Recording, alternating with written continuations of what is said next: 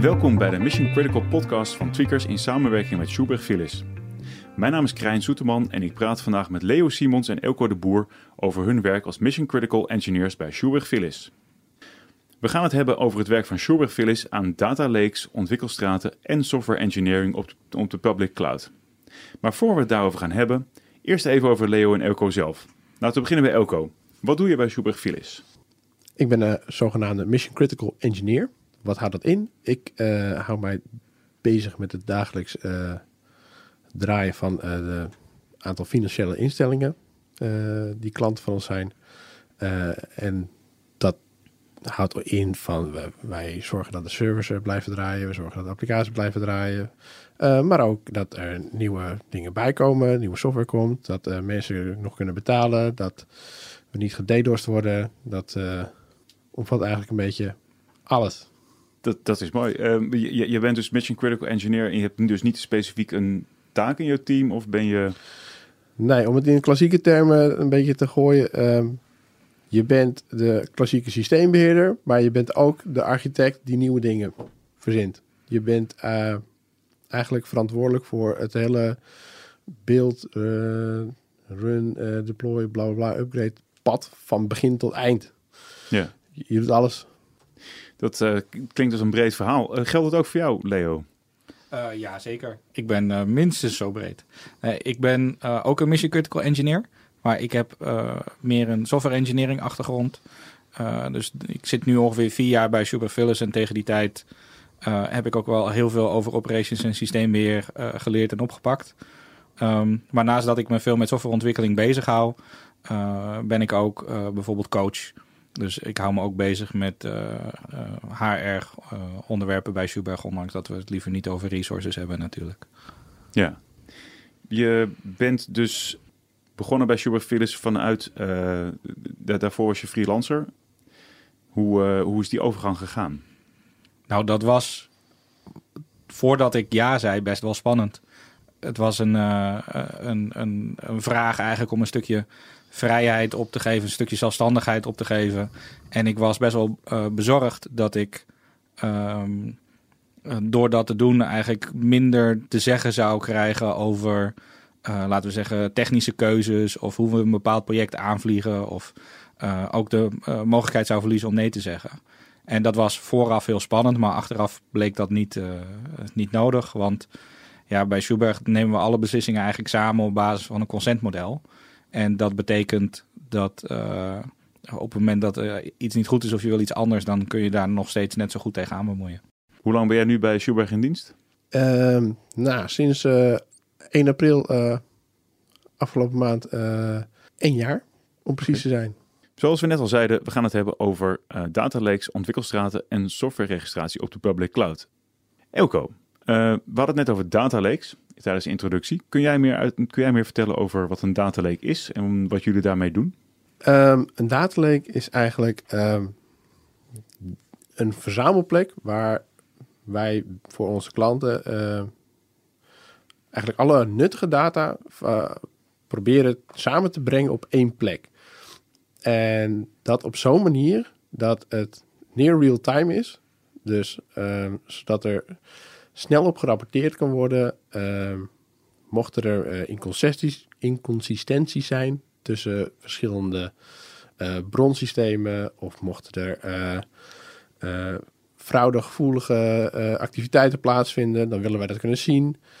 Ehm, dat is eigenlijk een beetje waar in, in, in een nutshell wat wij met een data lake proberen te doen. Dus voornamelijk data wat uit heel veel verschillende systemen komt binnen zo'n uh, wereld van onze klanten. Proberen we op één plek te krijgen. Zonder zo'n heel lomp, langzaam, nachtelijk ETL-proces. Maar gewoon uh, ja, near real-time uh, alle events en data lake instreamen. Ja. En daarna nuttige dingen ermee kunnen doen. En kun je daar, zeg maar, een voor, kunnen jullie daar een voorbeeld van geven in de, zeg maar, een beetje in de real world? Um, nou, een uh, voorbeeld dat de meeste mensen wel iets zal zeggen, denk ik, is uh, fraudedetectie. Op het moment dat iemand uh, een transactie doet met zijn mobiele telefoon, dan willen we wel even controleren dat het nog steeds die persoon is die zijn mobiele telefoon gebruikt. Daar zijn allerlei beveiligingen natuurlijk al voor.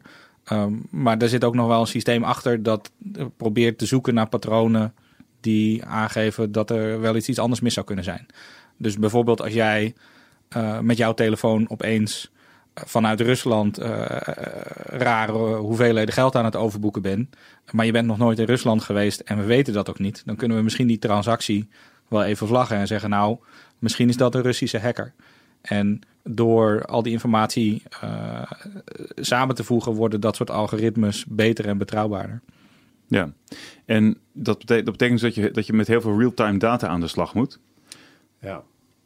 Een van de dingen die we ook uh, die erbij komt kijken, is dat je je data zo laat mogelijk pas wil transformeren. Je wil alle data uh, het data lake induwen in de vorm dat ze aankwamen, zeg maar. Dus wat je, waar je normaal gesproken in een data warehouse bijvoorbeeld alles zou uh, normaliseren of denormaliseren en alles gaat ophakken en omgooien. Dat is in een data lake minder van toepassing. Je wilt gewoon zoveel mogelijk die data erin hebben. Want ook mede dankzij uh, publieke cloud uh, platformen is het steeds makkelijker om daar gewoon veel capaciteit te krijgen. Het, het interesseert minder dat er petabytes aan data ingaat. Ik bedoel, dat is een uh, fractie van de capaciteit die de AWS'en en de Microsoft Azure's allemaal bij elkaar hebben. Dus in die zin wordt het allemaal een stuk makkelijker. Dus, zo kun je ook steeds beter over langere termijn trends herkennen, patronen gaan herkennen veel meer interessante dingen doen met al die data die een klant van ons al heeft.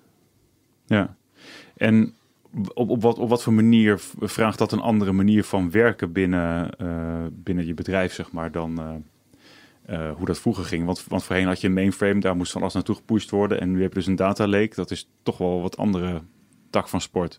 Kun je daar meer over uitleggen, Leo? Nou, ik denk dat uh, een van de belangrijke uh, dingen om niet te vergeten is dat die mainframes er nog steeds staan. En misschien niet zozeer bij ons, maar wel bij andere banken.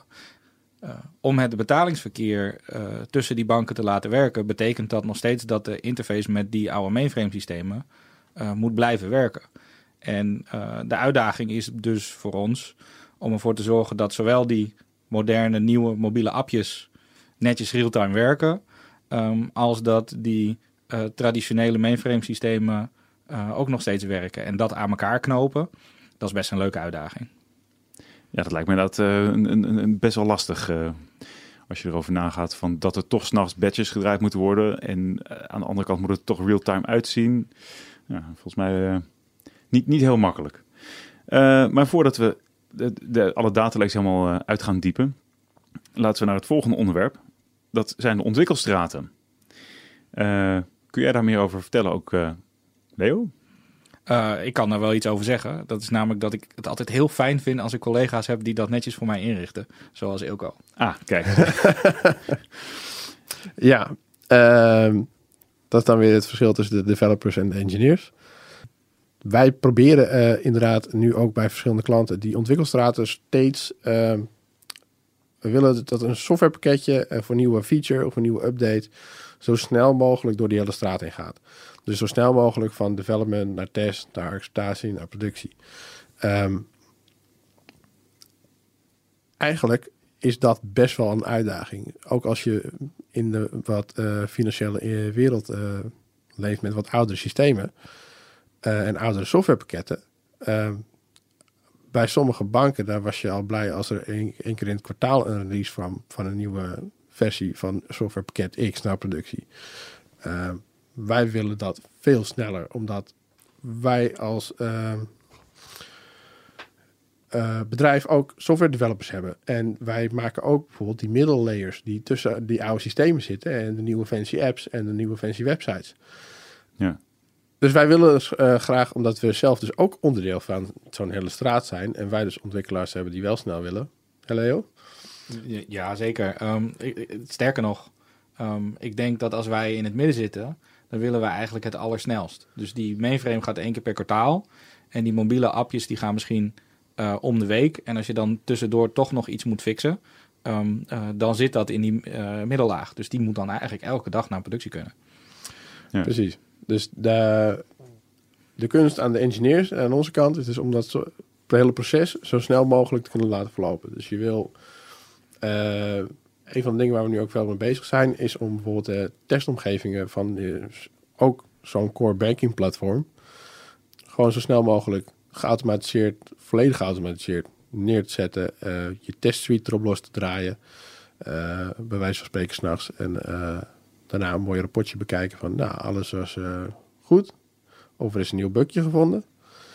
En dit kan door naar productie. En ook mede dankzij de publieke clouds tegenwoordig hebben we daar best wel wat resources tot onze beschikking. Dus ehm, ja, waar je misschien eerst eh, zo'n omgeving zou proberen neer te zetten met wat kleine virtuele machientjes en wat om zoveel mogelijk je kosten maar te drukken, eh, kun je nu zelfs gaan overwegen. Ik, eh, omdat het toch allemaal tijdelijk is. Ik knal de meest dikke VM's neer of de, de meest grote containers en noem het maar op. De meeste processing power die je maar wil. Het is toch maar tijdelijk. En dat je zulke processing power tot je beschikking hebt, is best wel heel erg handig. Maar krij- krijgen jullie in jullie team die eh, core banking software ook daadwerkelijk al de publieke cloud in getennist? Daar zijn we, Dat is wel een mooi bruggetje, hè? Daar, Eh, daar zijn we nog mee bezig. Ja en nee. Kijk, we kunnen natuurlijk eh, het heel makkelijk de publieke cloud ingooien door gewoon wat. In principe draait het nu ook op virtuele machines, maar dan in onze eigen cloud. Maar de truc is, wij willen zoveel mogelijk gebruik maken van de PaaS en de SaaS diensten van de publieke clouds. Dus ik wil niet meer een VM met SQL Server erop aanslingeren in een Azure of een AWS. Ik wil gewoon gebruik maken van hun database as a service aanbiedingen.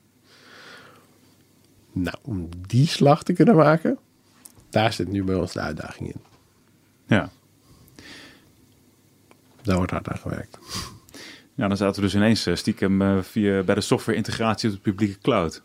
Ehm, jij, jij doet het dus voor, vooral voor, ban- voor banken en financiële instellingen, Elko. Ja. Eh, en Leo is ook bezig met van allerlei zaken die daarmee te maken hebben. Maar volgens mij nog een stapje breder. Ja, of misschien nog een stapje nieuwer. Eh, ik heb ook een tijdje eh, wel eh, in het finance team gezeten, dus daarom weet ik er iets van. Eh, maar wat we nu aan het doen zijn is voor een leasemaatschappij. En waar de banken natuurlijk een zwaar gereguleerde industrie zijn met best wel conservatieve beslissingen die genomen moeten worden, ehm, is dat in leasing niet het geval. En de klant waar we nu voor aan de slag zijn, die zijn we ongeveer zes maanden voor bezig. En die hebben echt super duidelijk gezegd: wij willen een nieuw, modern digitaal platform. En eh, dat draait van het begin af aan eh, allemaal in de cloud. En eh, waar Ilko nog wel eens druk moet zijn met bijvoorbeeld zijn Windows-machines patchen, hoef ik dat niet meer te doen. Want tot op heden is het ons gelukt om ehm, het hele systeem serverless te draaien. Dus er, zit in onze omgeving geen enkele virtuele machine. Ehm, alle management daarvan wordt ergens eh, under de covers gedaan door Microsoft, draait bij Azure. En eh, wij kunnen ons focussen op eh, het daadwerkelijk integreren van eh, de verschillende lease-componenten en EEP-componenten die eh, allemaal nodig zijn om een leasemaatschappij te laten draaien. Ja. En, en, en werken jullie dan ook samen met andere partners en zo die eh daar op moeten aanhaken? Ja, dat, dat is denk ik een groot deel van het werk en best wel een belangrijk deel eh, wat we toevoegen. Ehm, we zijn, ik denk nu met vier of vijf verschillende, ja, inmiddels vijf verschillende softwarepartijen. En eh, ja, een voorbeeld daarvan is, eh, ik was vorige week bezig met een partij die maken een leasecalculator. Dus dat is een specialistisch stukje software waar je op het moment dat je op een website een auto gaat configureren en zegt ik wil graag zoveel stoelen, zoveel deuren, airco, trekhaak eh, en een eh, eh, eh, weet ik wat, cruise control. Dan komt deze de auto eruit en die is zo duur. Dus dat is een specifiek stukje software dat we dan in de rest van het landschap moeten zien te integreren op een manier um, dat het ook gekoppeld kan worden aan al die andere systemen. Bijvoorbeeld, um, uh, we willen straks ook wel een keer zo'n data lake. En dan wil ik de events die uh, rondom die calculator zitten ook wel naar de data lake kunnen sturen. Dus ja. die puzzel lossen we dan samen op. Ja. En uh, als je met die puzzels bezig bent, hebben jullie dan ook ervaringen met hoe, hoe werkt het dan binnen jullie eigen teams? Kun je daar iets dieper op ingaan? Uh, nou, met allemaal haantjes, met allemaal meningen die dat ja. samen gaan uitzoeken. Zeker, ja. I iedereen, uh, je komt uh, binnen Schubert binnen in een team met um, allemaal mensen die zich allemaal expert vinden. En vaak ook nog zijn. Vaak ook nog zijn, inderdaad. Dat is een van de dingen die ik wel heb gemerkt sinds ik ben geswitcht van baan. Is dat je loopt hier bijna iedere dag tussen de gurus op gebied van chef cookbook development of noem het maar op. En dat is best wel bijzonder en, en leerzaam juist ook. Je kunt echt zoveel leren van die gasten. Met name ik die dan misschien daar niet met mega veel jaren ervaring binnenkom. het is voor mij één grote leerspeeltuin, om het zo maar te zeggen. Maar je moet wel binnen zo'n team nog steeds je mannetje kunnen staan. Je, want iedereen, ja, laat ik zo zeggen, ik heb ook een mening. En ik moet wel mijn best doen om te zorgen dat mijn mening niet ondergesneeuwd wordt tussen al die andere meningen. Ja, want op het moment dat je dat niet doet, dan werkt het bedrijf niet. Um, wij hebben geen uh, formele hiërarchie en we hebben geen managers en we hebben zelfsturende teams en die teams die besluiten zelf uh, nou, nu gaan we hier eens mee aan de slag. Of dit moet echt anders. Of misschien kunnen we dit verbeteren. En uh, dat werkt heel goed op het moment dat iedereen in dat team ook daadwerkelijk betrokken is bij die besluitvorming. Uh, dan maken we samen met de klant goede beslissingen. Op het moment dat je daar met de pet naar gooit en je denkt: ik zet mijn oogkleppen op en mijn koptelefoon op en ik ga in een hoekje zitten werken, um, dan mist jouw toevoeging aan de beslissingen die het team neemt. En dan nemen we niet meer de goede beslissingen. En, en wat nou als ik zeg maar, nou, ik, ik moet echt gewoon even enorm hard doorknallen met één specifiek onderdeel. Kan dat ook dan? Kan ik dan gewoon mijn Slack uitzetten en zeggen de groeten? Zeker, ja. En dat is uh, uh, ook weer een ding om samen te doen. ik had vanochtend nog een collega die zei: hey, ik moet dit echt af hebben. Kan ik even focussen? Ik blijf thuiswerken. toen zei ik: Nou, je moet vanochtend nog even je telefoon aanhouden, want ik zit namelijk bij Tweakers. Maar als de podcast voorbij is, dan laat ik het je wel weten. En dan kan jij gewoon de rest van de dag even focussen om iets af te maken. En al die dingen zoeken we samen uit in overleg.